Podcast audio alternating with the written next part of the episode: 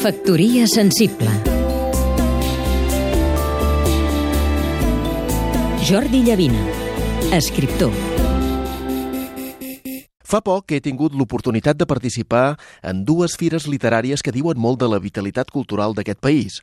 La Fira del Llibre Abrenc, a Mora d'Ebre, que també acull la Fira d'Espectacles de la Paraula Literarum, i la que se celebra al poble de Bellprat, Vila del Llibre. La primera ja compta 11 anys, la segona 7.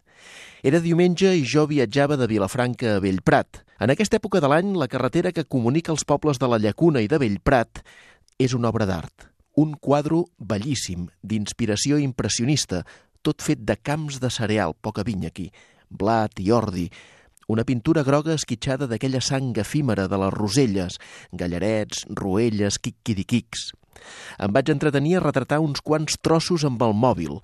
Em feia l'efecte que tot d'una podia aparèixer per una recolzada de la carretera un d'aquells carros que va cantar Marià Villangómez, una mica arcaics, lligats encara a la terra, amb el lent i dur amor de la terra. Però no, de tant en tant, un cotxe i poca cosa més. Quin bé de Déu de camps de conreu, de trossos, quina estampa d'antiga cultura agrària, esplèndida de color.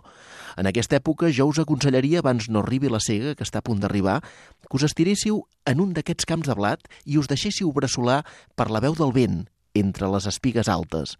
Us sentireu immediatament reconfortats i durant els segons de recés us fugiran del magí totes les cabòries del món. Factoria sensible Seguim-nos també a catradio.cat